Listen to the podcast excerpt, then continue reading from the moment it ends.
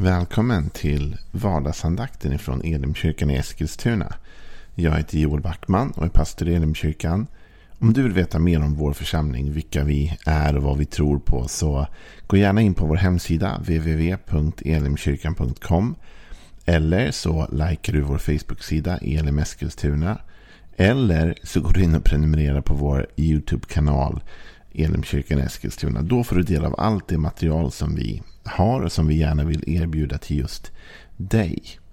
Det här är något vi kallar för vardagsandakten och den kommer ut måndagar till fredagar. Finns både via hemsidan, finns också via Apple, iTunes eh, och eh, andra platser kanske där du kan hitta den. Eh, känn dig fri att lyssna och dela med andra. Vi har lyssnare över hela Sverige och såklart mycket i Eskilstuna där vi har vår bas. Men även, även internationellt. Så jättekul om du sitter med någon annanstans i världen och lyssnar på det här. Vi är inne i en liten miniserie den här veckan om Guds vilja och att lära känna Guds vilja om man kan det. Och vi pratar mer i generella termer än nödvändigtvis specifikt. Alltid liksom vad som är Guds vilja för mitt liv. Eh, eller just nu i den här situationen. Mer mitt liv generellt. Romarbrevet 12 tar med tre aspekter som hjälper oss att förstå Guds vilja. Vi kan läsa det. Romarbrevet 12, vers 1-2. Därför ber jag er bröder, vid Guds barmhärtighet, att frambära er själva som ett levande och heligt offer som behagar Gud. Det ska vara er andliga gudstjänst. Anpassa er inte efter denna världen, utan låt er förvandlas genom förnyelsen av era tankar, så att ni kan avgöra vad som är Guds vilja, det som är gott behagar honom och är fullkomligt. Jag sa redan första dagen vi började med den här texten att det känns nästan pretentiöst att föreslå att man kan förstå eller känna Guds vilja. Och ändå är det precis det som Paulus här inbjuder oss till. Han säger att vi ska låta oss förvandlas genom förnyelsen av våra tankar. Så att ni kan avgöra det som är Guds vilja. Så att enligt Paulus verkar det som att vi kan avgöra vad som är Guds vilja. Eh, och det, det är någonting vi ofta ger upp i förväg på något sätt. Man kan aldrig veta vad Gud vill. Fast det är inte Bibelns budskap. Bibelns budskap är faktiskt att vi, vi kan lära känna Guds vägar. Det kan kräva en del arbete och liksom bön och bibelläsning och eh, den här, just den här att inte bli så anpassad. Men det går. Och då lyfter Paulus på slutet upp tre saker som liksom är Guds vilja. Som han kan säga, de här generellt sett kan man alltid säga är Guds vilja. Det ena är det som är gott. Vi har redan varit inne på det i vardagsandakten. Du kan lyssna på det om du missade den dagen. När vi talade om att, att Gud vill det som är gott för dig. Det är fantastiskt. Det är nog för att man ska vara glad resten av dagen. Gud vill det goda för mig. Han vill inte det onda, han vill det goda. Sen vill han något som är nästan självförklarande. Men ändå är värt att reflektera över och som jag vill få reflektera med dig idag om. Han vill det som behagar honom. Ganska intressant egentligen. Det är väl nästan definitionen av ens egen vilja på något sätt. Man vill det som behagar en själv. Man vill det man vill. Gud vill det som behagar honom. Det finns flera sanningar i den versen som är, är värd att värda att reflektera över. Det ena är att det finns en vilja som behagar Gud. Det måste också finnas då saker som inte behagar honom. Det hänger ihop. Om det finns saker som behagar Gud finns det saker som inte behagar Gud. Och vad är det då Gud vill? Gud vill det som behagar honom. Och, och, och då måste du och jag förstå någonting för våra egna liv också. Att, att ibland så blir vi för egofixerade i vår bön. Att vi tänker bara på mitt. Vad vill Gud med mitt liv? Vad är tanken med, med liksom mitt liv? Vad är tanken med mitt arbete? Vad är tanken med mina relationer? Vad är tanken med min församling? Vad är tanken med mitt, mitt, mitt? Vad vill Gud? Gud vill det som behagar, lyssna nu, inte främst dig, utan sig själv. Säger du så här, men är Gud en egoist? Nej, han är inte en egoist. Han är ju den mest utgivande som finns. Men ändå någonstans så är Guds vilja såklart, självklart, i linje med det som behagar honom själv. Ska vi ta några bibelord på det här så kanske min tanke, min poäng klarnar lite grann. Ett av de mest fascinerande kan man hitta i Jesaja 43, vers 25. Då talar Gud om hur han vill förlåta och upprätta. Och så säger han så här. I Jesaja 43.25. Jag, jag är den som utplånar dina brott.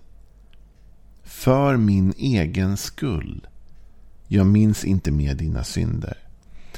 Här är en otroligt intressant text. Va? Därför att Gud då säger att han är den som utplånar mina brott. Och det gör han genom Jesus Kristus på korset.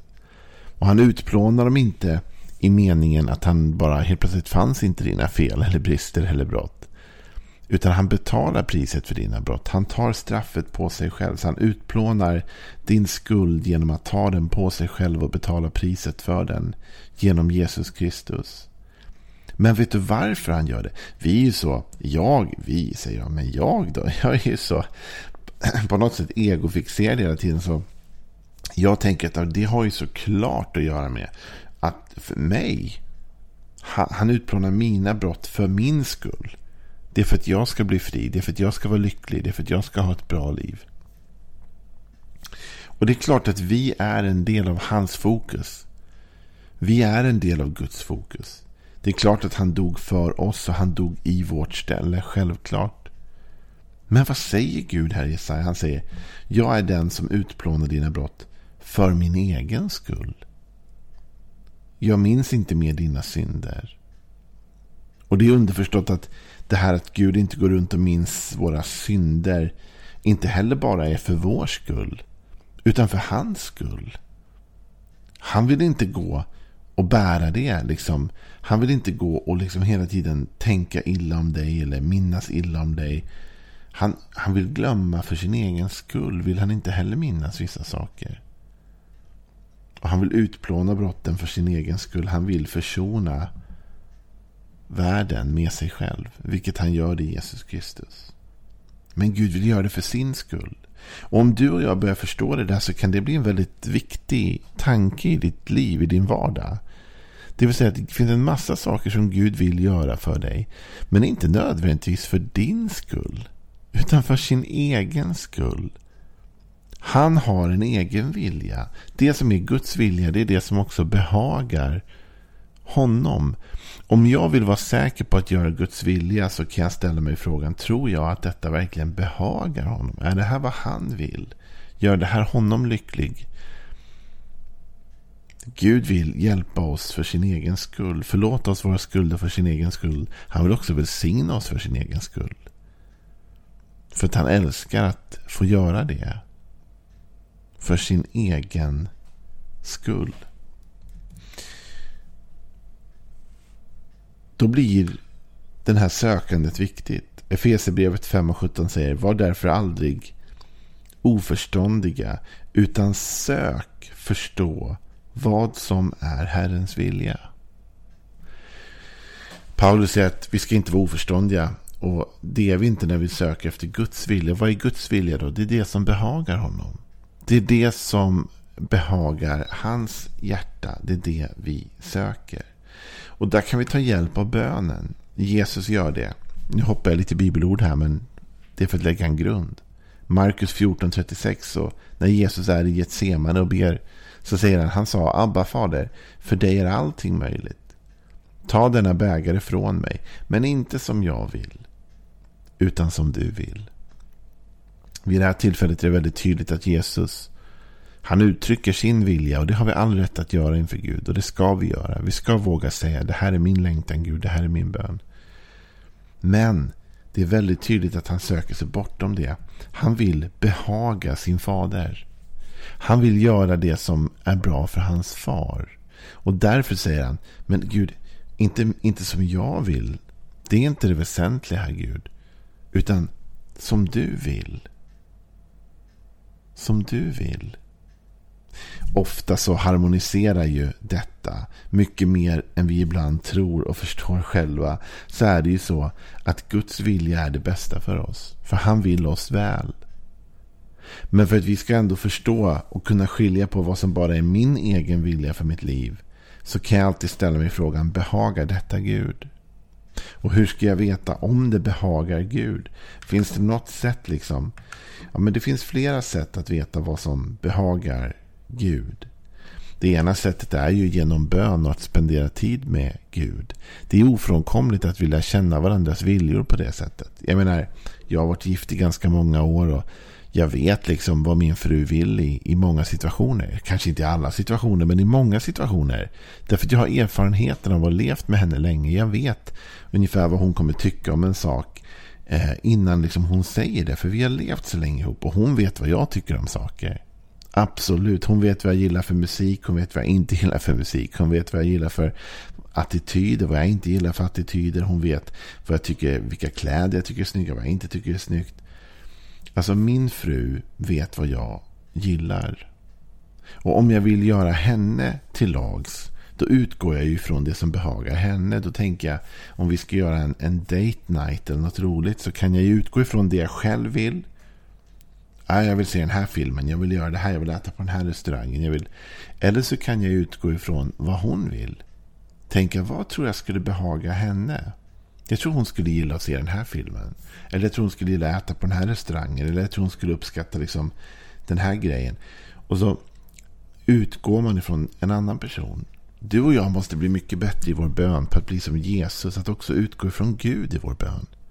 Gud, vad vill du? Gud, vad behagar dig? Vad vill du att jag ska göra med mitt liv? Vad vill du att jag ska göra med min dag? Gud, har du någon tanke över den här dagen? Allt för ofta så dukar vi upp vårt eget smörgåsbord bara och så, säger, så liksom är vår bön är typ att vi informerar Gud om vad vi har tänkt göra eller vad vi vill göra. Men väldigt sällan är vår bön Gud vad vill du att vi ska göra? Vad vill du att jag ska göra? Det där kan man märka i en församling också i, i folks attityder. va? De som vill göra församling bara som de vill ha den. Eller de som är genuint intresserade av vad vill Gud att vi ska göra? Bönens människor är alltid de som ställer sig frågan vad tror vi Gud vill? Inte bara vad känner jag, vad längtar jag efter, vad är min ambition, vad är mitt driv? Vad tror jag att Gud vill? Av alla mina timmar i bön, av all min tid i gemenskap med honom. Vad tror jag att han vill i den här situationen? Guds vilja är det som behagar honom. Det finns många bibelord om detta faktiskt. Eh, inte minst i Saltaren Gud så säger eh, eh David i psalm 40 vers 9. Gör, eh, gärna gör jag din vilja min Gud. Varför? Jag har din lag i mitt hjärta. Gärna gör jag din vilja min Gud. Jag har din lag i mitt hjärta. Så här talar Paulus om, eller Paulus, David om att ju mer Guds ord har infiltrerat vårt hjärta, ju mer lätt har vi att förstå hans vilja. Gärna gör jag din vilja. Varför då? Jo, för att lagen är i mitt hjärta. Ordet är i mitt hjärta. Så det ena är att vi ber och att vi lever nära den heliga anden, nära Guds hjärta. Men det andra är att vi låter hans ord infiltrera vårt hjärta. Att vi låter hans ord ta boning i oss. Inte bara liksom gå in i örat utan i hjärtat. David säger inte att jag har hört ditt ord eller ditt ord har passerat min örgång, min hörselgång. Utan vad säger han? Jag har din lag vart i mitt hjärta. Det innebär att det har blivit intimt förankrat i djupet av mig själv. Och då har jag lättare att se hans vilja. Hans ord är hans vilja.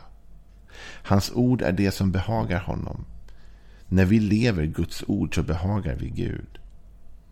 Absolut.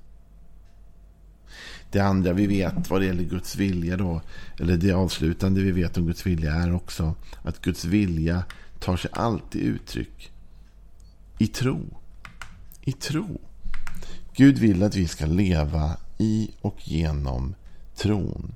I Hebreerbrevet 11 som vi ofta kallar för trons kapitel så finns den här väldigt intressanta vers, den sjätte versen i Hebreerbrevet 11 så står det så här. Ty, eh, utan tro kan ingen finna nåd hos honom. Utan tro kan ingen finna nåd hos honom. Den engelska översättningen säger att Eh, utan tro är det omöjligt att behaga Gud. Without faith it is impossible to please God. Utan tro är det omöjligt att behaga honom. Så om vi vill leva efter hans vilja måste vi leva i tro. Så vad vill jag ha sagt idag? Jo, det här är en väldigt självförklarande punkt som, som Paulus ger oss. Ja, det är klart att Guds vilja, okej, okay, det är det som är gott. Ja, då, det kan man fundera på lite grann. Men det här är självförklarande. Guds vilja är det som behagar honom. Okej, det är klart. Det är nästan en, en självförklaring. Men hur kan jag hitta den viljan? Jag kan hitta den i bönen, i närheten, när hans hjärta får tala till mitt. Jag kan hitta den i hans ord. Han har uttryckt det som behagar honom i sitt ord. Och jag kan också ta del av det genom tron. Genom att leva ett liv i tro. För utan tro är det omöjligt att behaga Gud. Gud vill att vi ska lita på honom. Och sätta vår tillit, vår tro, vår förtröstan till honom. Här var några tankar om att Guds vilja är det som behagar honom. Imorgon ska vi avsluta den här veckan lite grann med att tala om att Guds vilja är det som är fullkomligt. Det vill du inte missa. Vi hörs imorgon.